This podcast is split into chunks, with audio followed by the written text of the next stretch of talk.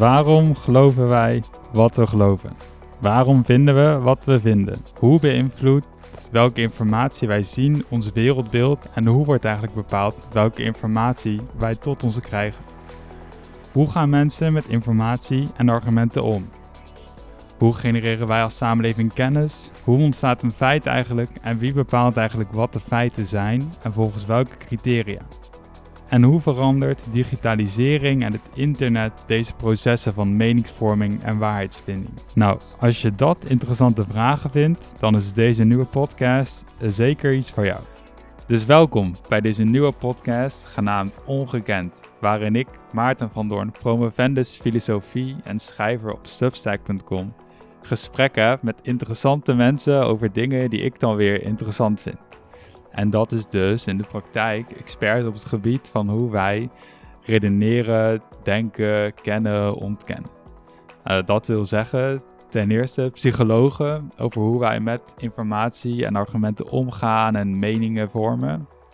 En ten tweede filosofen en andere denkers over hoe digitalisering, internet en social media deze omgang met informatie dan weer verandert. Want net zoals de boekdrukkunst zorgde voor radicale veranderingen in de wereld, omdat ze zorgde voor een explosie aan geproduceerde en verspreide informatie, leven we vandaag de dag natuurlijk in vergelijkbare ongekende tijden, maar dan voortgedreven door digitale technologie. En het doel van mijn gesprekken is om deze ontwikkeling, uh, waar nog veel over te ontdekken valt, uh, te duiden en ook om nu gezegd wordt dat waarheid en feiten onder druk staan in ons uh, zogenaamd post-waarheid tijdperk, verfrissende inzichten te bieden over meningsvorming, gedachtenwisseling en waarheidsvinding. Want als je het nieuws en de sociale media van de laatste jaren mag geloven, staan democratieën wereldwijd onder druk door stromen van nepnieuws, alternatieve feiten en andere post-truth perikelen. Denk dan bijvoorbeeld aan microtargeting, online manipulatie, filterbubbels, complottheorieën, fabeltjesfuik, dat soort dingen allemaal. Maar hoe terecht zijn die zorgen? Wat weten we nou echt uit de wetenschap over de invloed van internet en sociale media op wat wij geloven, weten en vinden? Wat zegt de empirie over of digitalisering een bedreiging is voor de democratie? Over deze dingen ga ik in deze eerste aflevering in gesprek met maar liefst eh, drie tja, ongekende deskundigen. Ten eerste filosoof en universitair hoofddocent aan de Vrije Universiteit en een bijzonder hoogleraar aan de Rijksuniversiteit Groningen, Jeroen de Ridder. De dreiging waar ik zelf eigenlijk ongeruster over ben, is, is de gedachte van uh, informatieoorlogsvoering. Dus hoe het van nou ja, sommige landen Rusland is vaak genoemd, een soort bewuste strategie kan zijn om gewoon zoveel mogelijk misinformatie te verspreiden. Niet eens zozeer om mensen te overtuigen van bepaalde standpunten, maar om gewoon de hele ja, eigenlijk normen van wat betrouwbare informatie is, wat je kan geloven en wat niet, om die te ondermijnen. Ook aanwezig is uh, communicatiewetenschapper en hoogleraar media en samenleving aan de UvA en uh, wetenschappelijk directeur van het Amsterdam School of Communication Research, Rens Vliegentart. Je ziet dus natuurlijk dat, dat heel veel van de politieke en maatschappelijke discussies heel erg die negatieve kleuring hebben. Hè, die, uh, die angst voor nepnieuws en uh, uh, die angst voor buitenlandse beïnvloeding. In veel, voor veel van die dingen vinden we niet zo heel veel empirisch bewijs nog.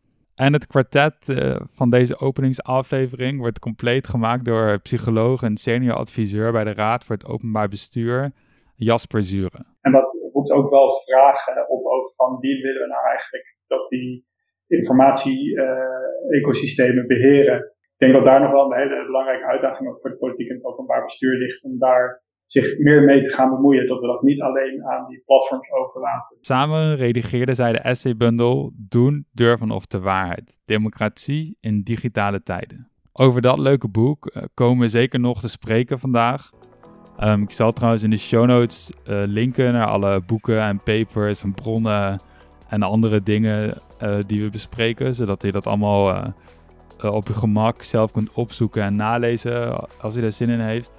maar het gesprek vandaag begint bij een andere publicatie, namelijk een rapport van de Raad voor het Openbaar Bestuur, mede uit de pen van Jasper, getiteld Zoeken naar waarheid.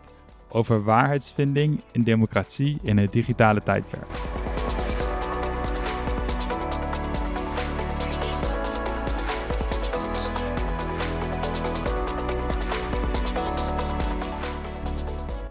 Jasper, ik wilde even met jou beginnen. Ik kan me namelijk voorstellen dat mensen bij werken op een universiteit, zoals Jeroen en Rens toen, wel een beeld hebben, maar dat dat wat minder is bij werken voor de Raad voor het Openbaar Bestuur. Niet in de laatste plaats omdat mensen niet weten wat het eigenlijk is. De Raad voor het Openbaar Bestuur is een uh, onafhankelijk uh, adviesorgaan van de regering en het parlement. Dus wij schrijven adviezen over hoe het beleid uh, beter kan. En de raad, daar moet je je bij voorstellen, dat zijn ongeveer acht mensen die ofwel hoogleraar zijn ofwel een bestuurlijke functie hebben in het openbaar bestuur. En die komen maandelijks bij elkaar om het uh, over verschillende onderwerpen te hebben, die op de politieke agenda te zetten. En de stukken die zij bespreken, die uh, worden voorbereid door, door een wetenschappelijke staf. En tot die staf behoor ik ook. en uiteindelijk mondt dat uit in, in adviezen, rapporten, essaybundels, waarmee we het openbaar bestuur aan het denken proberen te zetten. Zo hebben jullie ook in 2019 op verzoek van toenmalig minister van Binnenlandse Zaken Kajsa Ollongren het advies zoeken naar waarheid over waarheidsvinding in de democratie in het digitale tijdperk geschreven, waarin zij jullie vroeg om de kansen en bedreigingen van digitalisering voor de Nederlandse democratie te duiden.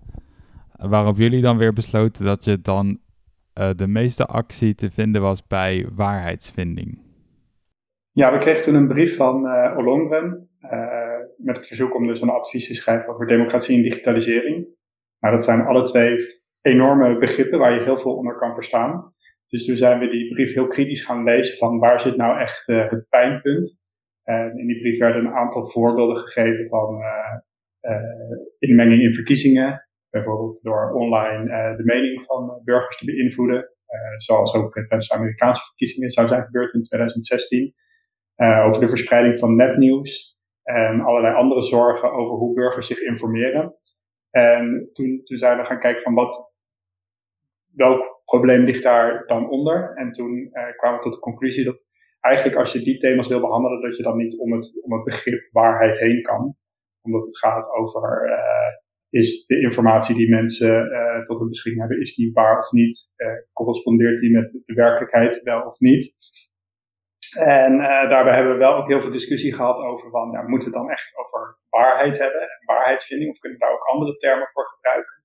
En uiteindelijk hebben we er toch voor gekozen om die term waarheid te gebruiken, juist omdat die ook zo omstreden is. En dat ons ook in de gelegenheid stelt om het debat enigszins te ordenen. dus we hebben in het advies ook besproken van waar hebben mensen het eigenlijk over als ze het over waarheid hebben. En uh, de belangrijkste onderscheid wat we daarbij hebben gemaakt is wat wij waarheid als werkelijkheid noemen. Dus daar gaat het echt puur om van uh, uh, wat is het beeld van de werkelijkheid dat mensen hebben en komt dat beeld met die werkelijkheid overheen. En waarheid als wenselijkheid, wat meer waarheid met een hoofdletter W is, van een religieuze waarheid of een, of meer politieke waarheid van een ideologische stroming. Uh, en die twee zijn in de praktijk ook niet altijd even uh, lastig van elkaar te scheiden. Hoe vormen mensen een beeld van de werkelijkheid en hoe wordt dat beïnvloed door digitalisering? Dus mensen kunnen de werkelijkheid niet altijd direct zelf waarnemen. Dus ik kan bijvoorbeeld niet waarnemen wat er in Amerika gebeurt tijdens die verkiezingen. Alles wat ik daarvan meekrijg of waarneem, dat is via media. En dat is ook via het internet. En hoe die informatie aan mij wordt gepresenteerd en hoe die mij bereikt heeft, is ook invloed op mijn beeld van die werkelijkheid daar. En we dachten dat dat wel een interessante focus zou zijn voor het advies om, daar, uh, om ons daarop te richten. Ja, dus het idee is dan eigenlijk dat je kan de werkelijkheid nooit uh, zeg maar direct zelf waarnemen, of in ieder geval over groot deel ervan niet. En omdat de informatievoorziening nu vooral of meer digitaal is, krijg je um, andere informatie over die werkelijkheid, zeg maar, buiten je tot je dan voorheen. En dan is nog maar de vraag of je nou um, per se betere of um, waardere informatie tot je krijgt. Exact, en, dat was in het verleden natuurlijk, eh, speelde dat ook al. Hè. Uh, welke krant je leest bepaalt voor een groot gedeelte welke informatie je krijgt. alleen wat is veranderd is dat die rol van de poortwachters noemen we dat ook wel. Hè? Dus eerst waren de kranten de poortwachters die bepaalden welke informatie tot ons kregen. Die rol is veranderd omdat die voor een groot gedeelte nu over is genomen door sociale media of door die digitale platforms die onder andere met behulp van algoritmes bepalen welke informatie wij tot ons krijgen en welke niet. En als je daar nou naar kijkt dan, en dit is denk ik een vraag een beetje aan jullie alle drie. Ja, wat kunnen we dan zeggen over die invloed van die algoritmes en de informatie die je tot je krijgt?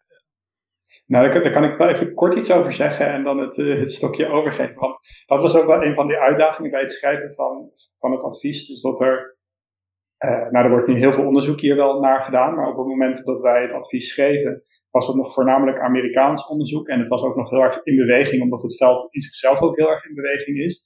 Dus als je het hebt over hoe platforms bepalen welke informatie wij krijgen, dan heb je bijvoorbeeld ook over dat idee van filterbubbels. Dus dat je uh, afhankelijk van welke media je volgt bepaalde informatie wel krijgt en andere niet. En daardoor een bubbel zou zijn waar informatie die in tegenstelling is tot je eigen ideeën uh, jou niet bereikt. Alleen daar hebben we dus ook het openbaar bestuur wel voor gewaarschuwd, want dat is iets om naar te kijken. Maar we wisten eigenlijk nog niet hoe dat feitelijk precies zat in Nederland. Dat was ook een van de aanleidingen om samen met uh, Jeroen en Rens die essaybubbel te gaan samenstellen. En uh, jonge talentvolle wetenschappers de vraag van kunnen jullie voor ons eens het een en ander uitzoeken van hoe zit dat in Nederland? Ja, dus ik zit te denken, nog even voor die algoritmes. Hè, dus ik denk wel dat door die digitalisering, je hebt natuurlijk een enorm veel groter aanbod van informatie gekregen. Uh, het gaat veel sneller.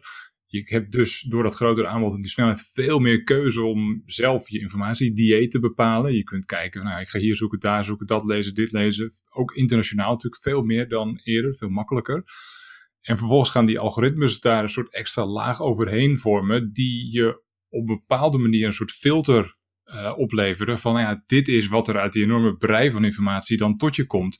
En waar je misschien vroeger zelf de bewuste keuze maakte van nou, ik ga die krant lezen, ik ga die persoon bellen als ik iemand ken in Amerika bijvoorbeeld, of ik ga uh, nou ja, op een andere manier boeken lezen, zit dat nu eigenlijk achter een soort, ja, zit het in een zwarte doos. Het algoritme dat doet dingen, selecteert van alles en nog wat uit die informatie, maar je weet niet precies hoe, op grond waarvan, uh, wat er wegblijft. Dus je hebt maar weinig zicht op wat voor filter er achter jouw informatie zit. Dat is de ene kant. Uh, de andere kant is denk ik wel, en dat, daar begon Jeroen ook mee, is dat je nog steeds wel de, um, uh, de individuele nieuwsconsument hebt, zeg maar, die ook nog steeds de eigen, de eigen keuzes maakt in dit soort discussies wel vaak dat het heel makkelijk het doemdenken inzakt. En dat er heel erg gewezen wordt naar de algoritmes en naar de bubbels. Maar uiteindelijk zijn mensen er nog steeds zelf bij. Um, en ik denk dat je niet moet onderschatten dat de gemiddelde Nederlander misschien wel minder, minder dom is dan je, dan je denkt. Die is prima in staat, het grootste gedeelte van de Nederlandse volk is prima in staat om op een verstandige en goede manier nieuws te selecteren en een van de dingen die, je die je daar bijvoorbeeld in ziet, is dat uh, voor heel veel Nederlanders nog steeds het NOS-journaal, het zij op televisie zelf, het zij online, het zij in fragmenten, nog steeds een belangrijke bron van informatie is. En dat is een heel groot verschil met, met de Verenigde Staten, waar je ziet dat die mediacontext heel erg gepolariseerd is. Hè. Je bent ook niet alleen uh, democrat of republikein in kiezers en in politicus zijn. maar media hebben ook een hele heel veel media hebben ook een hele duidelijke bias. En je ziet in Nederland dat dat veel genuanceerder en dat daardoor het verhaal ook veel, uh, veel minder negatief of minder alleen maar negatief is. In vergelijking met bijvoorbeeld de Amerikaanse.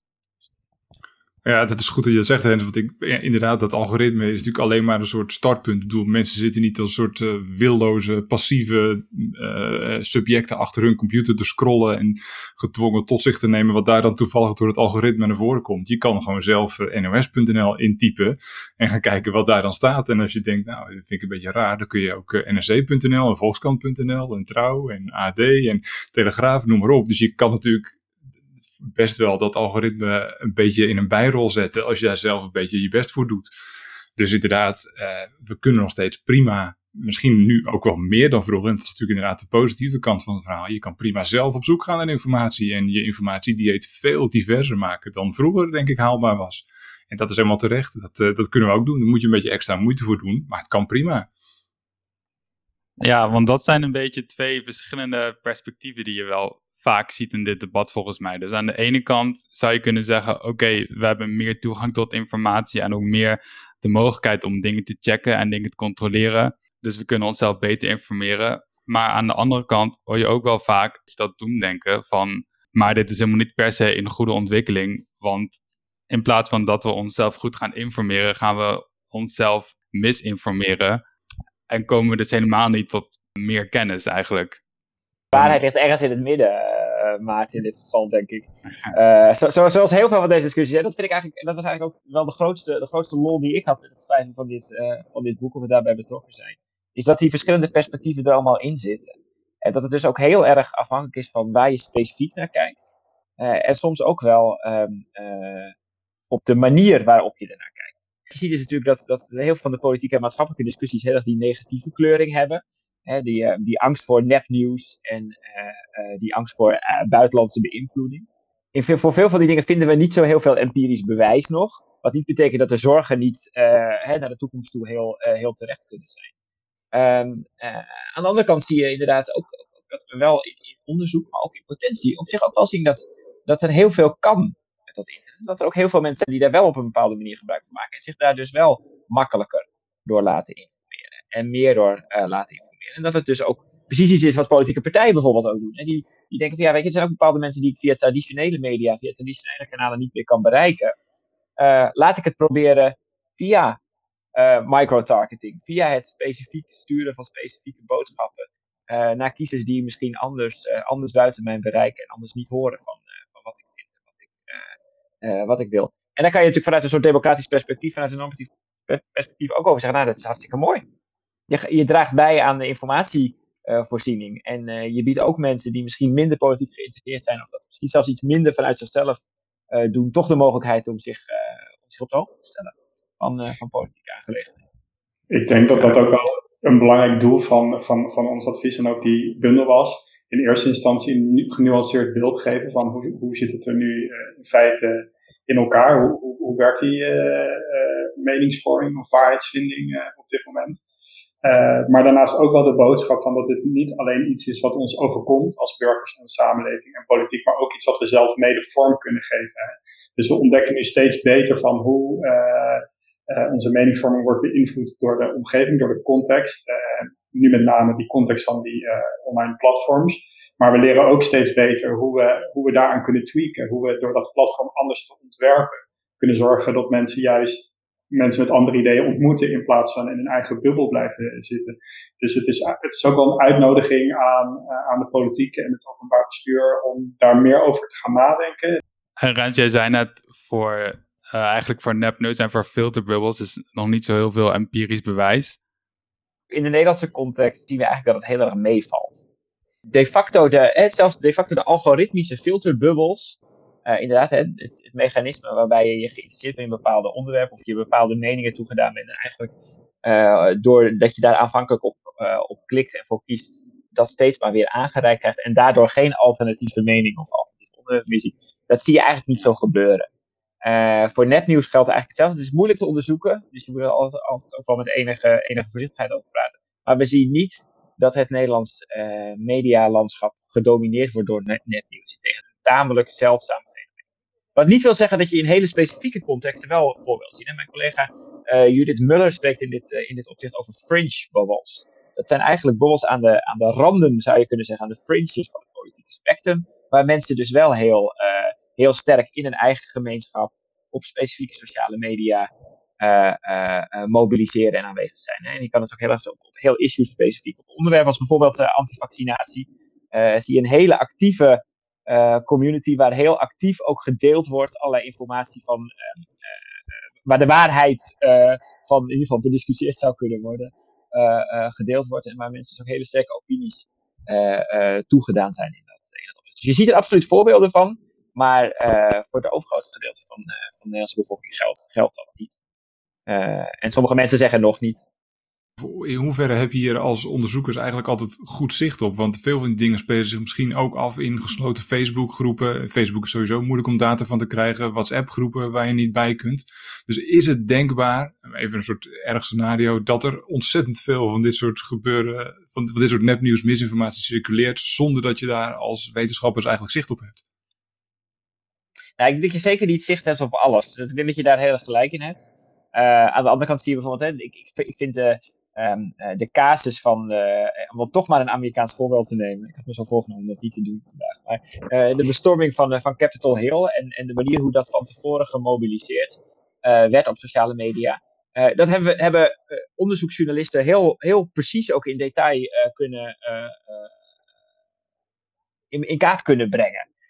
zeg maar. En ik weet dat in Nederland zijn inderdaad hè, zowel aan de onderzoeksjournalistiek kant, maar met name ook in, uh, in de wetenschap, zijn er mensen die dat wel heel erg in die community zitten, ook, maar daar heel goed, uh, heel goed proberen bij te komen. Dus ze zullen lang niet alles zien, um, denk ik, maar ik geloof niet dat er, een, uh, dat er gemeenschappen van honderdduizenden mensen bestaan waar wij geen weet van hebben.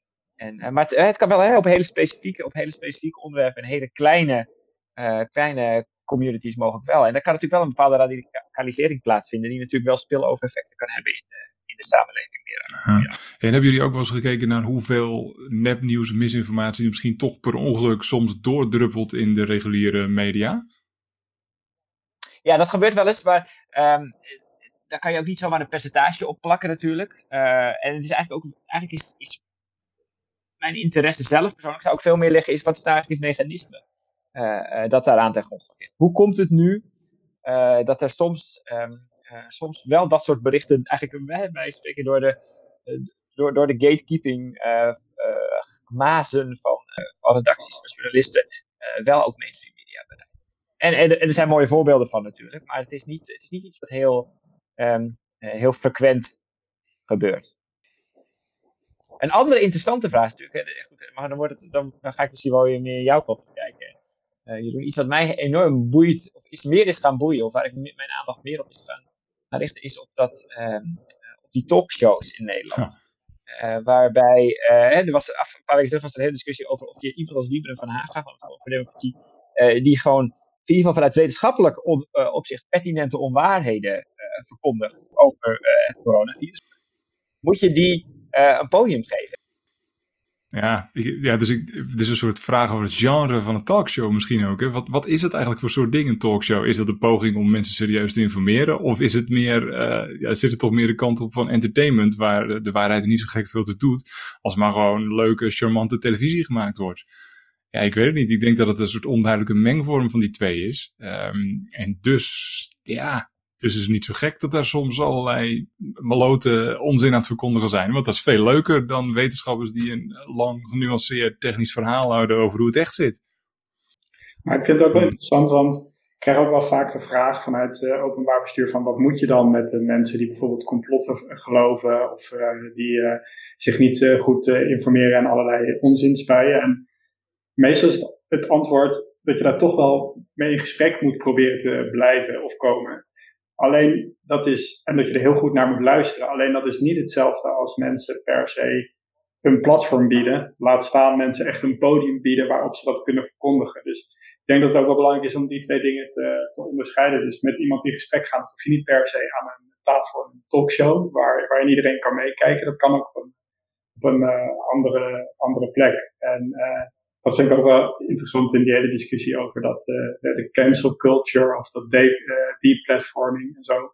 Dat mensen dat eigenlijk steeds veel meer als een recht zijn gaan zien. Uh, terwijl dat nog een, iets anders is dan vrijheid van meningsuiting. Je hebt het recht om je, je, mening te uiten, maar dat betekent niet dat je dat ook op elke plek mag doen. als ik mensen uitnodig voor een barbecue bij mij in de, in de tuin, dan heb ik liever niet dat zij hele rare dingen gaan roepen, dat de, dat de, dat de buren naar mij gaan kijken van, goh, wat ben jij daar in die tuin uh, aan het doen? Uh, ik gun ze me vrijheid van meningsuiting wel, maar wel op een eigen plek, wat. Eén reden dat het misschien wel kan helpen om zo iemand als Wim van Haga uitnodigen in zo'n talkshow is omdat je hem dan tegenover iemand als Rosanne Hertzberger kan zetten, die dan kan uitleggen waarom het niet klopt. En de reden dat dit helpt, heeft ook te maken met dat um, de enige reden of de voornaamste reden dat jij weet dat het niet klopt wat die Haga zegt, is niet zozeer omdat jij zelf de inhoudelijke, uh, zeg maar, biologische, virologische uh, kunde hebt om dat te kunnen weerleggen, maar vooral omdat jij kan zien dat het afwijkt van wat officiële instituties zeggen en dat je die betrouwbaarder vindt. Uh, en dat je dan zo'n Wim van Haga tegen zo'n Rosanne Hersberger zit gaan, kan helpen om toch een beetje van het inhoudelijke te snappen en zo die, die mening iets robuuster te maken dan alleen maar van ja, ik geloof jou niet, want uh, het is iets anders dan uh, wat de, de officiële instituties zeggen. Ja, dat, ja, dat is, ja, dat is aan de ene kant is dat waar. Oh, nou ja, ik wilde zeggen, volgens mij het is een lastige keuze die je moet maken tussen uh, zo twee strategieën die je kunt gebruiken om, om de verspreiding van misinformatie tegen te gaan. Aan de ene kant kun je zeggen, ja, we moeten er gewoon niet over praten, we moeten het niet op televisie uh, krijgen, want ja, daar geef je er een soort platform aan, dat suggereert een soort legitimiteit, dat je het serieus moet nemen. Nou, dat die ene strategie, je kan proberen het helemaal dood te zwijgen en te negeren. Dus dan maak je eigenlijk een beetje voor de individuele kijkers en burgers dezelfde afweging van ja, dit kunnen ze niet aan, dit is te gevaarlijk. Het is een beetje een soort paternalistische strategie eigenlijk. De andere strategie is eigenlijk ja, de, de, burgers en de kijkers serieuzer nemen en denken, nou ja, die kunnen hun eigen beslissingen wel maken. Die kunnen zelf wel nadenken en meedenken met wat er op televisie gebeurt. Dus we laten het wel zien. En we zetten er een zo stevig mogelijke wetenschapper of ander soort expert tegenover. Die kan uitleggen wat er mis is met de claims die gemaakt worden. Waarom ze niet kloppen. Ja, ik, ik, het is volgens mij uiteindelijk een empirische vraag of welke strategie beter werkt. En waarschijnlijk zal er wel geen algemeen antwoord zijn dat voor alle gevallen geldt. En moet je er misschien wel per geval afwegen wat, wat wijsheid is. Ja, ik ben dat, daar ben ik het wel mee eens. Ik denk dat het een hele mooie manier is dat dilemma te schetsen. Maar dan toch maar even terug naar wat Jasper net zei over die platformen. Wat je natuurlijk wel doet, is op het moment dat je zo'n persoon tegenover een, um, een, een, een, wetenschapper zet, zeg maar, in zo'n setting, hè, in een talkshow setting, dan creëer je toch een podium waarbij je in ieder geval um, suggereert dat uh, beide mensen dezelfde statuur en dezelfde status hebben. En dat, en dat dus de verschillen tussen deze mensen een verschil van mening uh, zijn in de mooi uh, deliberatief-democratische zin van het woord. Maar op het moment dat iemand gewoon pertinente onzin verkondigt, dan is dat een soort schijngelijkheid die, die ook wel schadelijk kan zijn. Um, en mensen doorzien dat, denk ik, voor een, voor een flink gedeelte. maar dat vraagt wel om, om dat heel goed voorbereid uh, te doen. En, en heel erg op de, op de, op de na te denken, oké, wie zet je dan tegenover zo iemand? Uh, en ook jezelf als, uh, als, als talkshow host of als, als redactie van zo'n als programma heel goed voor te bereiden op, oké, wat is je rol van als journalist in, dat, in, in die mediatie van dat, van dat gesprek en dat proces. en volgens mij gaat het vaak daar, loopt het nog wel eens mis. Media-ideaal van false balance, dat dat dus echt een false balance is. Dus dat je, de op, je wilt eigenlijk een soort van objectiviteit. Dus je gaat uh, één klimaatwetenschapper tegenover één ontkenner zetten aan de tafel. En dan lijkt het alsof de verhouding 50-50 is. Terwijl eigenlijk is de verhouding 97-3. Ja, exact. Ja. Het, het, prachtige principe van hoor en wederhoor. Tegenover iedere mening moet je een andere mening zetten. Kan wel eens een heel erg uh, ongebalanceerd ja. En dat is iets wat we natuurlijk al veel langer weten. Dat weten we al, al wel van voor de, voor de hele digitale revolutie en voor alle discussies over, uh, over sociale media die we hebben. Ook in, in, het gewone, in het gewone journalistieke proces zie je dat dat mechanisme heel dominant is en dat dat ook absoluut effect heeft op, uh, op hoe mensen naar, uh, naar onderwerpen kijken. Ja, dus ik denk daar, zit, daar zie ik nog wel een soort goede rol die redacties meer zouden kunnen pakken dan nu gebeurt. Het heeft echt wel veel meer achter zich dan wat die andere persoon zegt. Dan hoef je verder geen partij te kiezen. Je legt gewoon uit, nou ja, dit is feitelijk nu de hoe, hoe, in de wetenschap de zaak gewogen wordt. Daar kun je er gewoon bij zeggen. Ik denk niet dat je dan mensen onheus bejegent of uh, benadeelt of zo. Ik bedoel, degene die het er niet mee eens is, zal het niet leuk vinden. Maar ja, dit zijn helemaal de feiten. En daar is niks mis mee om die te rapporteren, denk ik. Als mensen onjuiste meningen krijgen in dit informatielandschap, is dat eerder doordat bepaalde uh, een informatie die uh, niet representatief is, dan dat er per se heel erg onware dingen uh, doorkomen. Dus bijvoorbeeld, als je dan op het NOS-journaal af en toe zo'n item ziet van uh, een, een moslimvrouw die naar IS is gegaan, zonder dat daar dan die statistieken bij staan van, ja, dit is eigenlijk maar 1% van de mensen die dit doet. maar je ziet dat elke maand of zo een keer, dan denk je van, oh, dit gebeurt regelmatig of dit is echt een serieus probleem. Terwijl je hebt niet per se iets onwaars of zeg maar nepnieuws of misinformatie tot je gekregen, want het is wel echt gebeurd. Alleen toch heb je nou wel echt een verkeerd beeld van hoe het zit. De selectie en, uh, en framing uh, zijn, zijn twee hele sterke mechanismen die dat, die dat, die dat heel duidelijk beïnvloeden. En er zitten hele, hele generieke principes achter. Hè? Dus dingen als, als inderdaad een focus op een, op een persoonlijk dramatisch verhaal. maar ook iets, iets wat wij negativiteitsbias noemen. Uiteindelijk zijn negatieve ontwikkelingen nieuwswaardiger dan positieve ontwikkelingen. Dus journalisten worden daar meer door aangetrokken, zullen er eerder over rapporteren. Maar ook wij als um, nieuwsconsument uh, zijn daar meer door getriggerd en, uh, en laten ons daar ook sterker door beïnvloeden. Uh, en dat soort, dat soort mechanismen maken inderdaad een enorm, enorm verschil. En ik vind het, is een mooi voorbeeld inderdaad van dat je net geeft, Maarten. en zo kan je eigenlijk voor ieder, ieder politiek of maatschappelijk onderwerp kun je wel een, voorbeelden verzinnen waarbij je dit mechanisme in actie ziet vind het ook wat interessanter dat we ook steeds meer inzicht krijgen in die mechanismes die Rens net beschrijft. En met name ook die digitale platforms, die zijn er ook echt heel goed in. En die kunnen dat ook uh, soms live bijhouden van hè, wat de effecten is van sommige berichten en boodschappen. En die kunnen dat ook gebruiken om, uh, uh, om hun me mechanismes en hun algoritmes nog verder te perfectioneren. dus dat vind ik wel een interessante vraag. Tot de kennis over deze eh, processen, die, uh, nou, daar krijgen we steeds meer kennis uh, van en die wordt ook steeds meer toegepast. En dat roept ook wel vragen op over van wie willen we nou eigenlijk dat die informatie-ecosystemen beheren. Ik denk dat daar nog wel een hele belangrijke uitdaging ook voor de politiek en het openbaar bestuur ligt om daar zich meer mee te gaan bemoeien. Dat we dat niet alleen aan die platforms overlaten die, die bepalen wat, wat wij wel of niet te zien krijgen. Maar dat de politiek zich daar ook meer over gaat uitspreken. Ja, en, en zeker als je, als je kijkt naar, naar, de, naar het compleet falen van, uh, van de politiek op alle niveaus, hè, nationaal, maar ook internationaal, om, uh, om uh, deze platformen te reguleren. Op welke manier nou ook, zeg maar. Of om zelfs een bepaalde vorm van transparantie af te dwingen.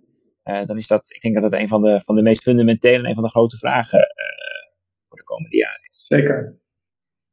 Transparantie over hoe zij bepalen welke informatie te zien krijgen of niet, bijvoorbeeld. Ja, en, en, op, welk, op basis van welke criteria? Uh, inmiddels, en er wordt wel wat vrijgegeven. Je ziet bijvoorbeeld, een mooi voorbeeld is de Facebook Ad Library, uh, waar je alle advertenties die op Facebook te vinden zijn, kunt bekijken. En waarbij dan ook op, op, een aantal hele ba basale karakteristieken, u, u, ziet deze advertentie omdat u vrouw van deze, deze, deze leeftijd bent en u woont daar, zeg maar. Maar dan gaat het echt over de echt over dat soort achtergrondkenmerken. Um, maar in ieder geval, en, dat we, en we weten dat dus niet, niet precies, maar heel vaak zitten er ook andere um, uh, zaken in dat algoritme die natuurlijk bepalen of jij een bepaalde advertentie wel of niet zit. En dat kan te maken hebben met, uh, met eerder zoekgedrag, maar het kan ook te maken hebben met een soort psychologische profiling. Um, waarbij ze bijvoorbeeld allerlei dingen over mijn interesses, maar ook over hoe ik in het leven sta, uh, in beschouwing kunnen nemen. En wat dat precies is en wat, hoe zij dat doen en welke mechanismen erachter zitten, die zijn, uh, die zijn grotendeels onbekend en heel erg moeilijk natuurlijk te onderzoeken van als je buiten die black box staat, uh, waar, waar, Jeroen het eerder, waar Jeroen het eerder maar ja, aan de andere kant is er toch nog niet zoveel empirisch bewijs voor het bestaan van die filterbubbels. En bleek het effect van die algoritmische personalisatie tot nu toe gewoon best wel klein. Dus waarom is dit dan zo'n belangrijk iets? Nou, ik denk, ik, ik denk dat je, je kan daar aan de ene kant een hele normatieve discussie over, uh, over voeren, zeg maar. Hè? De vraag van, goh, wat gebeurt er met mijn persoonsgegevens uh, op, um, op internet? Hoe wordt, daar, hoe wordt daarmee omgegaan? Um, ik ben geen doemdenker, uh, maar als je kijkt naar, hè, wat, wat Jasper ook schetst net, van, hè, dat kan steeds, hè, die, die platformen kunnen daar steeds beter in worden en kunnen dus steeds beter profileren, steeds beter scherper dat aangeven. Als het inderdaad een trend is die heel erg doorzet, um, dan kan dat ook absoluut, hè, kan absoluut negatieve consequenties hebben. Dan kan het inderdaad zo zijn dat we in zo'n situatie, uh, of meer in zo'n situatie belanden, waarin je heel erg gebiased uh, informatie krijgt, dat je bepaalde dingen nooit meer ziet en andere dingen de hele tijd ziet. En die, die macht, of die invloed, of de potentie misschien eerder, uh, bestaat wel. en, en, en ik denk dat we, weet je, we hoeven helemaal niet, niet heel negatief te zijn over hoe het nu is. Maar er zitten absoluut gevaarlijke randjes aan. Nou ja, er zijn natuurlijk ook, je zegt inderdaad, die kansen of die mogelijkheden zijn er. Ja, veel mensen hebben natuurlijk de afgelopen jaren gewezen op Facebook, of sorry, op YouTube, hè, waar die aanbevelingen steeds mensen verder in, in een gat van complottheorieën en radicaliserende filmpjes trokken. Omdat, was de suggestie althans, uh, het algoritme van YouTube ervoor wilde zorgen dat mensen zo lang mogelijk die filmpjes bleven kijken, om zodoende zoveel mogelijk advertenties te zien. En ze ontdekten dat waar mensen lang naar kijken, ja, dat blijken dus steeds radicalere uh, ideeën te zijn. Dus je krijgt op die manier een soort feedback loop, waarbij je, ja, je start met misschien een beetje een soort, ja, een ideetje wat een beetje aan de rechterkant van het politieke spectrum zit. En dan kijk je een poosje naar, vind je interessant. En dan krijg je een ideetje wat nog net wat verder op het spectrum zit, enzovoorts, enzovoorts. En voor je het weet zit je echt in, in, in radicale complottheorieën. Nou ja, dat, dat zal voor de gemiddelde Nederlander of ook de gemiddelde Amerikaan niet gebeuren. Maar ja, wat, wat je eerder ook al noemde, Rens, aan de, aan de fringes, aan de randen, zijn natuurlijk wel groepen mensen die hier gevoelig voor zijn, die inderdaad dat gat ingezogen worden. Dus het is niet alleen een mogelijkheid, het is denk ik ook echt wel gebeurd de afgelopen jaren. Er zijn natuurlijk een aantal verhalen verschenen van mensen die daar helemaal in, in, in terecht gekomen zijn. En dat, dat is wel zorgwekkend. En dat heeft toch heel sterk te maken gehad met het algoritme van YouTube in dit geval. Die selectie van algoritmes is is wel echt een ding. Maar toch hebben we het net ook best wel lang gehad over de selectie gewoon van de traditionele poortwachters, zeg maar. Dus dat speelt ook nog wel echt een rol. Dus ja, soms vraag ik me wel eens af dat um, je nou echt die nieuwe poortwachters van de feit hebt en die nieuwe poortwachters van de waarheid. In hoeverre is dat nou e echt um, een groot, groot ding? Want de meeste mensen krijgen informatie nog gewoon via nos.nl, nu.nl. Ja, ik denk ook dat, dat we uiteindelijk zijn wij vooral geïnteresseerd in dingen die veranderen. Uh, hè, dat, is natuurlijk ook, ook een verhaal dat, dat ook, ook voor een ROB en ook als wetenschapper uitstekend verkoopt, dat dingen anders zijn dan ze, dan ze waren. Maar er zijn ook heel veel dingen die heel continu zijn.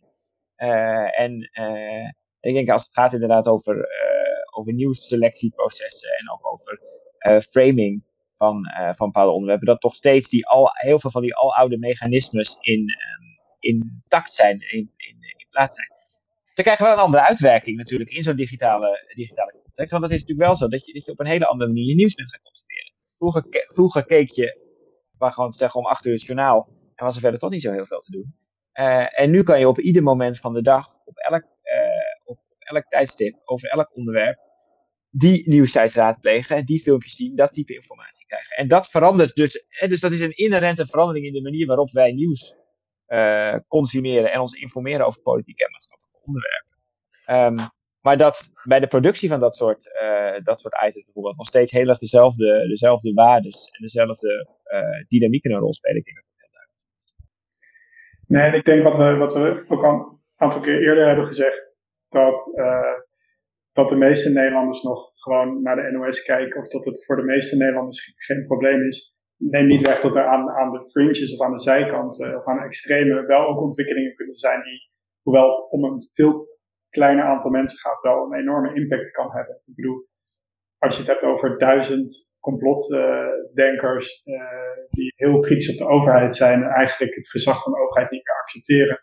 Duizend is over de hele bevolking gezien heel weinig, maar die duizend man die kan wel op het binnenhof gaan staan en daar heel veel stand bij maken en heel veel aandacht naar zich toe. Dus dan kan het effect en impact uh, op het debat en misschien zelfs op de democratie. Dit voorbeeld geeft perfect aan waarom het heel belangrijk is om heel precies te zijn in dit soort discussies. Uh, wat, wat, wat, is, hè, wat definieer je nu als impact?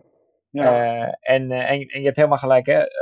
weinig mensen kunnen een enorme impact hebben op besluitvorming, op, um, en ultiem ook op de kwaliteit van de democratie. Maar dan moet je wel inderdaad precies aangeven hoe je dat en die ben ik heel ja, Nou ja, goed, neem even concreet die, die paar gele hesjes die we op een gegeven moment in Nederland hadden, die bij Rutte in het torentje werden uitgenodigd. Nou ja, goed, wetenschappers die uh, al iets vaker hebben geprotesteerd en met veel grotere aantallen, zijn nog nooit bij Rutte in het torentje uitgenodigd uh, in die hoedanigheid. Dus dat is wel een terechte opmerking.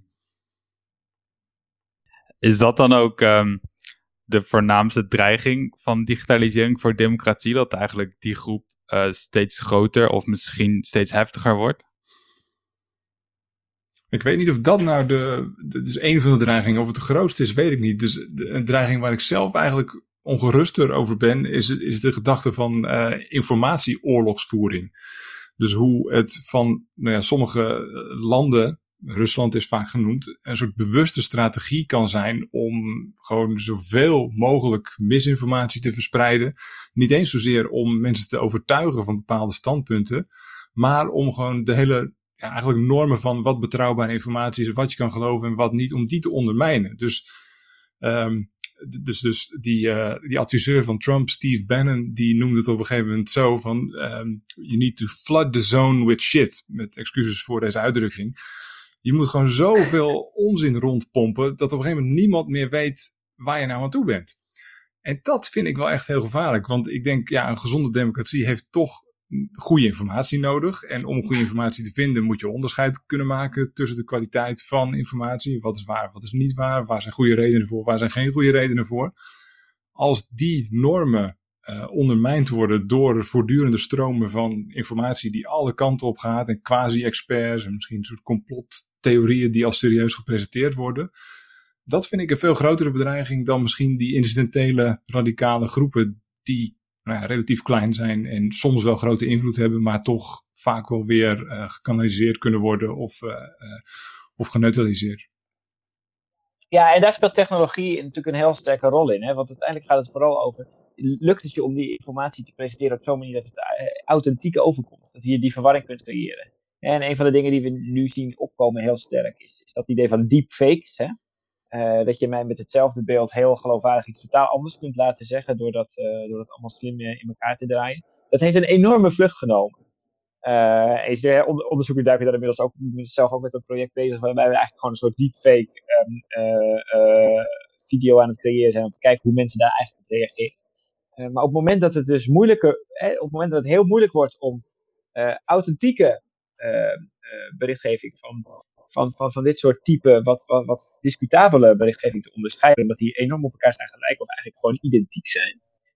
Ja, zeker die deepfakes zijn een goed voorbeeld. Want ik denk tot nu toe was natuurlijk beeldmateriaal altijd nog, ja, denk ik, de, de hardste vorm van bewijs die je hebt. Als je inderdaad een opname hebt van iemand die iets zegt, ja, dan kun je het doen met, met dingen die op schrift staan, kunnen zeggen, ja, dat is vervalst. Of uh, met een, een, een audio-opname, dat kan misschien ingeknipt zijn of zo.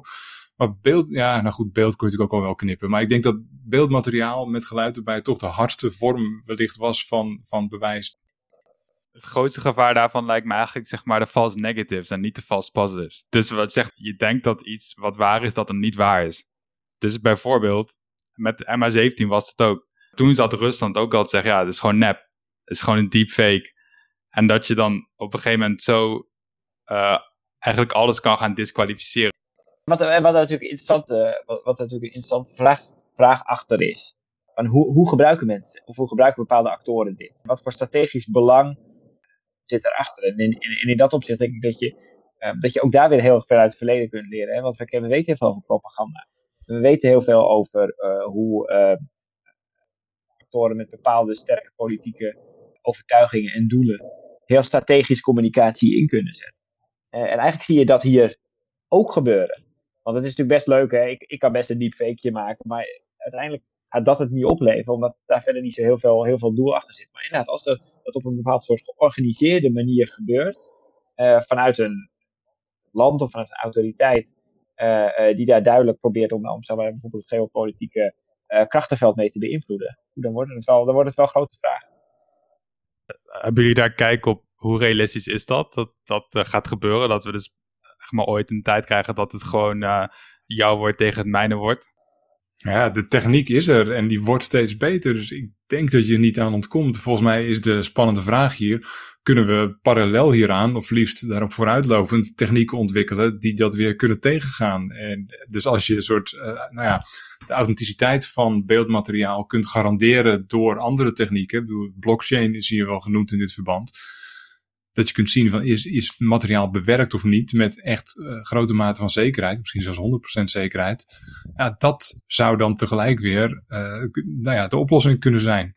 Dus ja, je hebt eigenlijk meer digitalisering nodig om die negatieve effecten van digitalisering weer te bestrijden. Ja, en, en een stukje educatie misschien wel. Hè? Misschien, misschien niet om, om, de, om de hele professionele, professionele gevallen eruit te, uit te halen, zeg maar. Maar uh, hè, als, als nieuwsconsument in staat te zijn om in ieder geval te kunnen identificeren diezelfde vraag te kunnen stellen in bepaalde gevallen. Is dit nu eigenlijk wel echt of niet? Is, uh, is ook heel belangrijk. En, uh, en, in onze bundel staat er ook een mooi hoofdstuk over. Uh, van, van Jon Rozenbeek en Sander van der Linden, die een, een eigen ja, software tool hebben ontwikkeld, zeg maar, waarbij je getraind wordt in het herkennen van, van nepnieuws. Ik denk dat dat soort inspanningen ook, ook heel relevant zijn. Op het individueel niveau van burgers heel belangrijk is. Hè? Dus dat zij weerbaar worden voor desinformatie of netnieuws en het leren herkennen. En ik heb ergens ook nog wel de hoop, en ik zeg expres hoop, want eh, zeker weten doe ik het niet, maar dat, dat we toegaan naar een nieuw soort reputatiemechanismes. Dus vroeger eh, kon je van bepaalde bronnen, wist je gewoon van die zijn betrouwbaar, die geloof ik. En, eh, en, en dat dat nu aan het verschuiven is door de komst van het internet, maar dat we uiteindelijk wel weer een nieuwe balans vinden, waarbij we op een andere manier eh, bepalen of een bron wel of niet betrouwbaar. Dus op het moment dat, uh, dat, dat zie je misschien al wel op uh, Instagram, waar influencers zich in één keer gingen bemoeien uh, met, met de coronamaatregelen en hashtag ik doe niet meer meededen. Maar dat heeft al hen best wel wat reputatieschade ook opgeleverd. Dus ja, we zijn dat eigenlijk nog aan het ontdekken als samenleving van hoe, hoe kunnen we het beste bepalen wie een betrouwbare reputatie heeft en niet. Maar ik hoop dat we daar wel weer naar een nieuwe balans toe gaan. Dus je zegt vroeger was het veel meer zo, oké, je wist het staat in de krant, dus het is waar. Dat wordt misschien minder, maar dan komt er wel weer iets anders voor in de plaats waaraan we zeg maar een soort van kunnen aflezen uh, en ook erover eens zijn dat dat betekent dat het een betrouwbare bron is.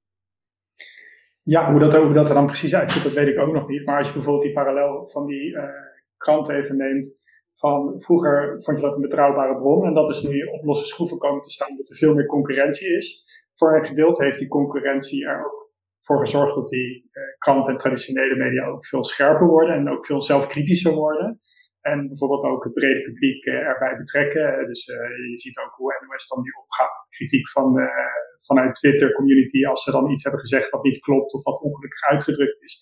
En dat ze dat dan ook gaan corrigeren. En juist het feit dat ze dat corrigeren en daar ook open en transparant over communiceren, dat maakt ze eigenlijk een nog betrouwbaardere, betrouwbaardere bron.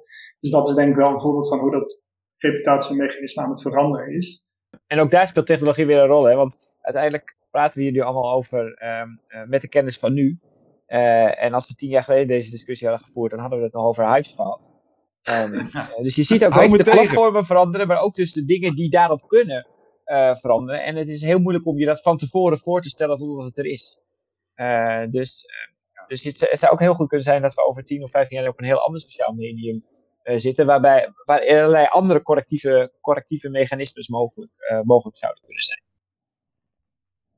Een laatste onderwerp, wat misschien nog wel de moeite waard is om even kort te bespreken, is het onderwerp van microtargeting. Want dat is iets waarvan ik zelf ook in mijn omgeving merk waar mensen zich wel echt zorgen om maken. Dat nepnieuws, als ik dat met gewoon mensen om me heen bespreek, dan is het vaak, ja, dat was vroeger ook al en dat zie je toch wel dat het nep is. Maar dat microtargeting, dat roept vaak meer gevoelens op van, ja, en die bedrijven die zitten mij een beetje in de gaten te houden en mij precies die dingen voor te schoten die ik dan, uh, waar ik dan intrap en dat wil ik allemaal niet. En uh, um, ik heb het gevoel dat dat door mensen als een groter gevaar wordt ervaren. Ja, ik weet het niet hoor. Dus zeker als je het puur hebt over advertenties. Dus volgens mij de effectiviteit van gemicrotargete advertenties.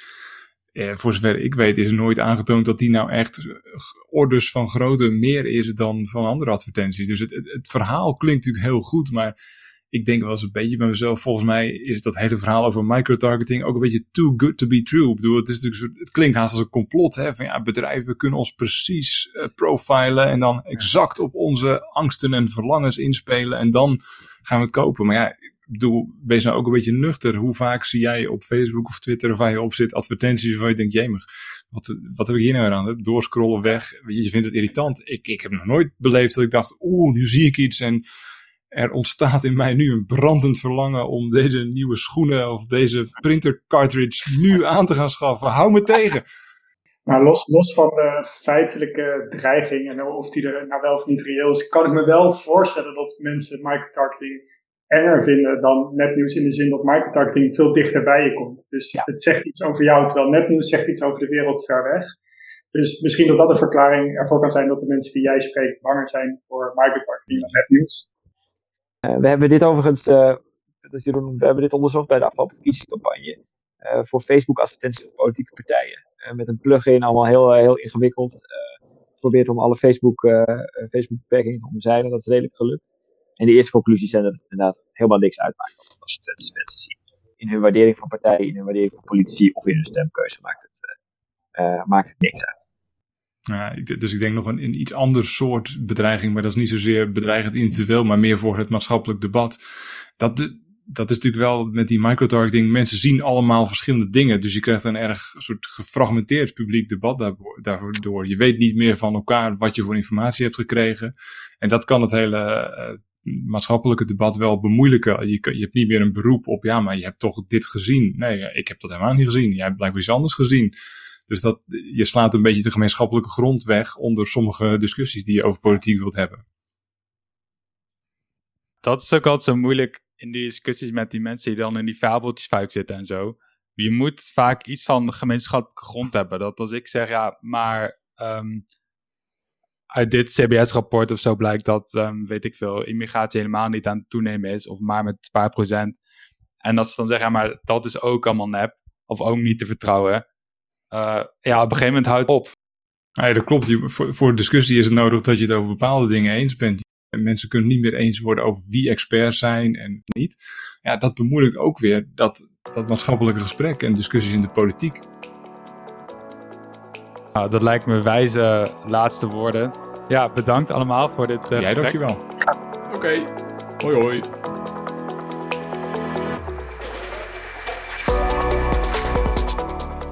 Aan het begin van deze podcast vroegen we ons af wat we nou echt weten over de invloed van internet op wat wij geloven, weten en vinden. Dat is eigenlijk natuurlijk een veel te grote vraag voor ineens een afleveringetje, maar wat al wel duidelijk is geworden is dat nepnieuws en filterbubbles in ieder geval vooralsnog in Nederland niet heel veel voorkomen. Maar dat wil nog niet zeggen dat de impact van digitalisering verder gering is. Ten eerste omdat die heel weinig mensen die wel in een fringe bubble zitten, of in een fabeltjesfuik of in nepnieuws trappen, ondanks dat ze er zo weinig zijn, natuurlijk nog wel een grote invloed kunnen hebben op de samenleving. En ten tweede omdat op welke manier de algoritmes van bedrijven zoals Google de informatiestroom beheren, toch wel veel invloed heeft op, uh, op welke informatie over de werkelijkheid jij wel of niet te zien krijgt. En zo zijn er dus veel subtielere invloeden van digitalisering op onze meningsvorming dan dat we simpelweg via nepnews of micro-targeting allerlei pertinente onwaarheden gaan geloven of in onze bubbel mindless steeds extremer worden in ons eigen gelijk. Zo'n andere subtiele invloed is natuurlijk die informatieoorlog waar Jeroen het over had. En ik ben zelf eigenlijk nog wel benieuwd hoe dat nou precies werkt. Genoeg dus om nog te verkennen in de volgende afleveringen van deze podcast.